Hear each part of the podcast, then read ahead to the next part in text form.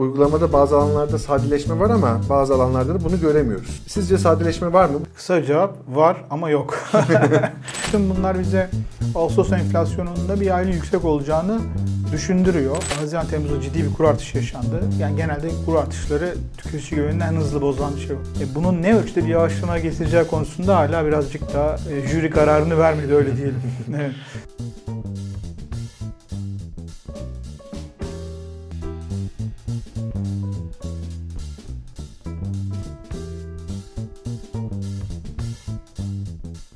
Haluk Bey merhaba, hoş geldiniz. Merhaba, hoş bulduk. Nasılsınız? Teşekkür ederim siz. İyiyiz biz de, sağ olun. Bugün yine konuşacağımız epey bir şey var. Pazartesi günü enflasyon açıklanacak. Gözümüz kulağımız onda, onu konuşacağız. Dış ticaret ve cari açık verileri geldi. Onları konuşacağız, onlara bakacağız. Tüketici güvenindeki sert düşüşe bakacağız. Ve tabii ki KKM. KKM ile ilgili epey bir haber geliyor özellikle bankalardan. Bunları değerlendireceğiz. İsterseniz başlayalım. Şimdi cari açıkla başlayalım. Temmuz'da dış ticaret açığı bir önceki yılın aynı ayına göre %14.2 artarak 12 milyar doların üzerine çıkmış. 12 aylık açıksa 120 milyar doları aşmış. Şimdi şunu sormak istiyorum. Cari açık düşecek, beklenti o yönde ama ne zaman düşecek? Ee, son dönemde atılan sıklaştırma adımları ne zaman sonuç verecek? Ya da sıklaşamıyor muyuz? Şimdi hatırlarsak Haziran'da bir ufak iyileşme olmuştu. Yani geçen senenin altındaydı cari açık ama bunun bir eğilim olmayacağı da belliydi. Çünkü Temmuz'un önce gümrük verilerini görmüştük ve dış açığın yükseldiğine işaret ediyordu ki burada aslında altın ithalatında yine önemli payı vardı. Bu e, açıklanan veriler ise artık e, son hali yani verilerin TÜİK tarafından açıklanan veriler ve e, cari açık hesaplanırken de bu veriler kullanılıyor. Bugünkü rakamlara baktığımızda tekrar artış eğilimine girdiğini görüyoruz yıllık dış ticaret açığının ama yani bunun da bir eğilime dönüş dönüşmediğinden emin değiliz şu an. Çünkü alınan bir sürü tedbir var. Bu gelişmeler sonrasında ne gördük? Mesela altın ithalatına kota getirildiğini duyduk. Bir sürü tüketim ithalatını körükleyecek şeylerde bir taksitlendirme gibi işte kredi kartları falan onlarla ilgili kısıtlamalar gördük. E, faizlerde daha artışlar gördük. Yani aslında amaçlanan nedir? İç talebi dengelemek. Bunu da hani işte tüketim malı ithalatını biraz hız kesmesini sağlamak ki bunun içinde mesela hiç bahsetmedim ama altın falan diyorum ama aslında otomotiv ithalatı da çok tüketim malı grubunda gözüküyor ve çok ciddi o da aslında arttırıyordu mesela. Orada da bir takım tedbirler geldi. O piyasanın da biraz normalleştiği falan söyleniyor. Dolayısıyla hepsi bunların bakalım işe yarayıp yaramadığını Ağustos'ta biraz göreceğiz diye düşünüyorum. Ama şu anda bilmediğimiz için veriyi ama birkaç gün içinde açıklanır. Onu da herhalde hafta sonu veya hafta başında görmüş oluruz. Sonuç cari açık Temmuz'da yeniden yüksek olacak. 4-4,5 milyar dolar arası olabilir. Geçen senenin de üzerinde. Yani yıllık olarak da 57-58 milyar dolarlık bir açık hızı var şu anda. Ama geçen e, Mehmet Şimşek de söyledi. Yani yıl sonunda 40 bekliyorum gibi bir rakam da zikretti. Doğrudur. Piyasa beklentisi böyle 40-45 arasında olabileceği yönde. Çünkü piyasa aslında bir yandan da ikinci yarıdaki e, ekonomi büyümedeki yavaşlamayı fiyatlıyor. E, ama bunu hani henüz çok somut olarak görmüyoruz. İmalat tarafında görüyoruz. Ancak tüketim tarafının ne ölçüde yavaşladığından emin değiliz. O yüzden onları bekliyoruz ama şu anda öyle fiyatlanıyor diyelim. Tabii gidişat oraya doğru da olmayabilir eğer bu iş talepte dizginlenme olmazsa. Peki bu söylediklerinize ek olarak TÜİK Ağustos ayı ekonomi güven endeksi verilerini evet. de açıkladı. Evet. Oldukça sert bir düşüş var. Evet. Ekonomik güven endeksi Temmuz ayında 99,3 iken Ağustos ayında %5,2 oranında azalarak 94,1'e evet. ulaşmış. İşin enteresanı son bir yılın en düşük seviyesi bu. Ağustos Doğru. 2022'den bu yana. Ve aynı zamanda pandemiden beri de en sert düşüş. Ee, yani içimiz, içinde bulunduğumuz ortamda tüketici güveninde ekonomiye olan genel güvende hızla düşüyor. Neden Doğru. sizce bu? Endeks aslında belli alt endekslerden oluşuyor ki içinde en önemlisi tüketici güven endeksi. Diğerleri de işte e, reel kesim güven endeksi, e, hizmet sektörü, diğer sektörel güven endeksleri gibi. Şimdi bunların hepsinde düşüş oldu şeyde Ağustos'ta. Ama en sert tüketici güveninde olmuştu. Normal çünkü yani sonuçta hem Haziran Temmuz'da ciddi bir kur artışı yaşandı. Yani genelde kur artışları tüketici güvenini en hızlı bozan şey oluyor. Onun dışında da faizlerin yukarı doğru geldiğini görüyoruz ve tüketim talebini kısma yönünde de atılan adımlar görüyoruz. Dolayısıyla bunların güveni bozması normal. Ama endekslerde yansıyan görüntüye baktığında aslında tüketici güven endeksinin de çok çok sert gerilediği iki aydır görüyoruz. Ekonomik güven endeksine de yansımış. Yine dediğim gibi yine aynı şeye bağlayacağım. E, bunun ne ölçüde bir yavaşlama getireceği konusunda hala birazcık daha e, jüri kararını vermedi öyle diyelim. evet. Doğru. Evet. Şimdi gelelim o zaman enflasyona. Pazartesi günü açıklanacak evet. enflasyon önemli bir veri. Piyasa katılımcıları anketi de açıklandı. Katılımcıların yıl sonu tüketici enflasyonu beklentisi Temmuz'da 43,80 iken Ağustos'ta 59,46 olmuş. Yani neredeyse Doğru. %60. Doğru. 12 ay sonrası tüfe beklentisi de %33'ten %42'ye yükselmiş durumda. Doğru. Ciddi bir e, yükselme. Sizin tahmininiz nedir? Pazartesi günü nasıl bir oranın açıklanmasını bekliyorsunuz? Daha da önemlisi bu açıklanacak enflasyon oranı Merkez Bankası'nın faiz stratejisini nasıl etkiler sizce?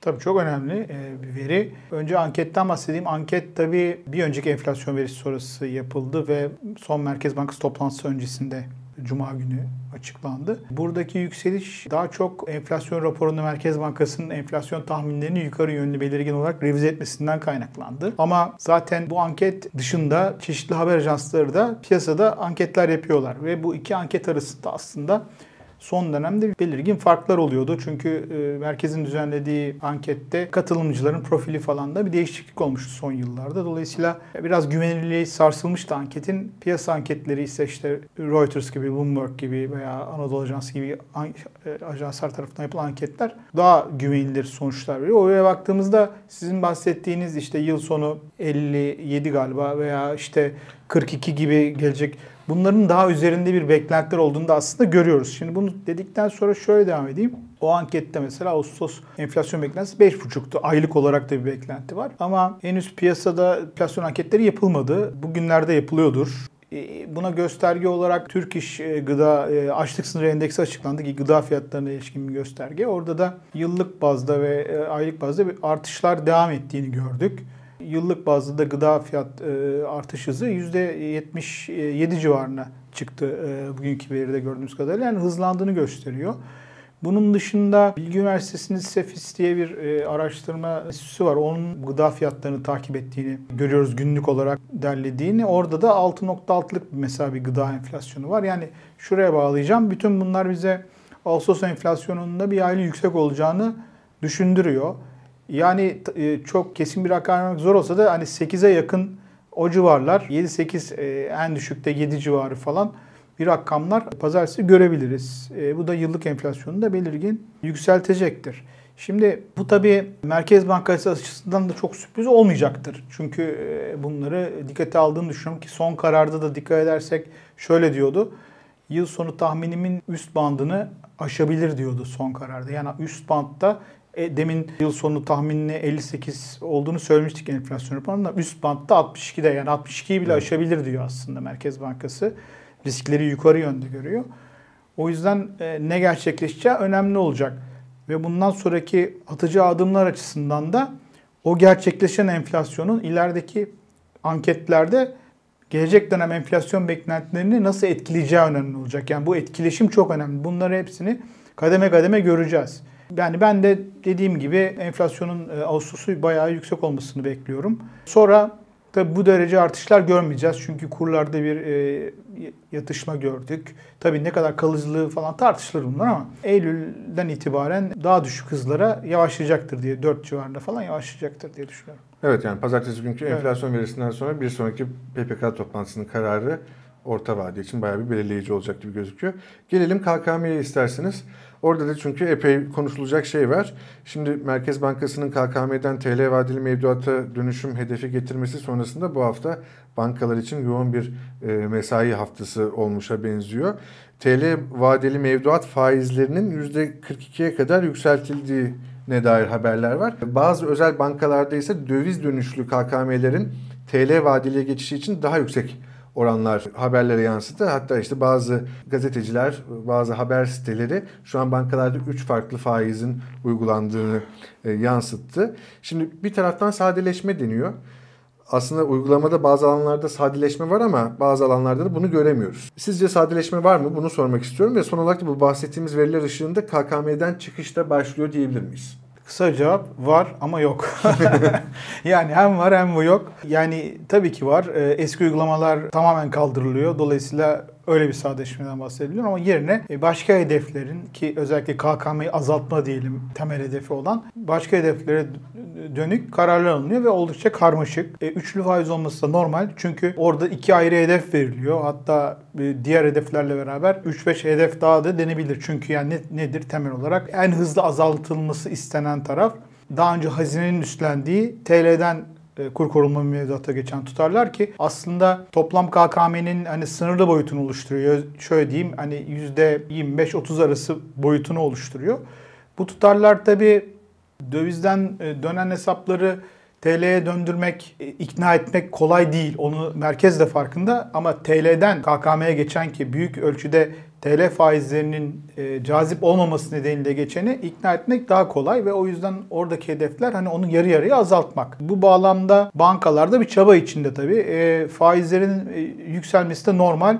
Hele ki bu düzenlemeler geldikten sonra dün de önceki günlerde de, de e, uygulama talimatının açıklandığını gördük Merkez Bankası tarafından. Bu talimatta bu hedeflerle ilgili daha ayrıntılı bilgiler de yer alıyor. E, mesela dövizden e, dönüşlerde gerçek kişi için verilen hedefin biraz yükseltildiğini görüyoruz ki bu da yine mevduat faizlerinde haftanın ilk günleri gördüğümüz artışın biraz daha hızlanabileceğini düşündürüyor bir yandan. Ama şimdi tam bir nereye oturduğunu görelim. E, bu üçlü yapı devam edecektir diye düşünüyorum. E, bütün e, normal bir e, vadeli TL mevduat dönüşlerine e, oradaki mudiye yansımayabilir hemen. Ama diğer KKM'si olanlar da e, bundan faydalanabilir. Böyle bir görüntü var. KKM ile ilgili yine e, eklemek istediğim şöyle bir taraf da var. Böyle bir dönemde Merkez Bankası'nın e, biliyoruz ki daha önce ben piyasaya döviz likiditesi sağlayacağım diyordu KKM ile ilgili olarak. Ve Ağustos ayı çok zorlandı, zorlanacağı bir ayda. Öyle de oldu. Ve son haftalarda da tabii KKM ile ilgili ne kadar döviz kesisi verdiğini bize açıklamıyor ama haftalık bazda veya günlük bazda kendi bilançosunu incelediğimizde Merkez Bankası'nın 2 Ağustos'tan beri her gün net olarak döviz sattığını görüyoruz. Ufak ufak da olsa gününe bağlı olarak. Örneğin geçen haftaki e, dönüşlerin en çok yığıldığı herhalde dönemdi.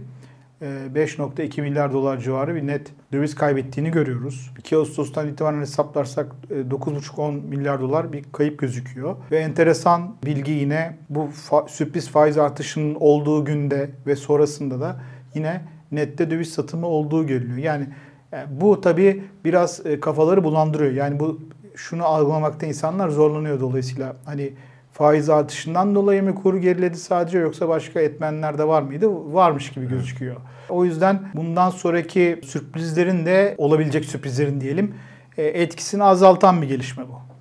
E bir de bir taraftan politika değişikliği olurken bir taraftan da arka kapı politikalarının sürdüğünü görmekte tabii güveni biraz sarsıyor. Çok teşekkürler Haluk Bey değerlendirmeleriniz için. Haftaya not defterine bir haftalık e, kısa bir ara vereceğiz. Sonraki haftada tekrar görüşmek üzere.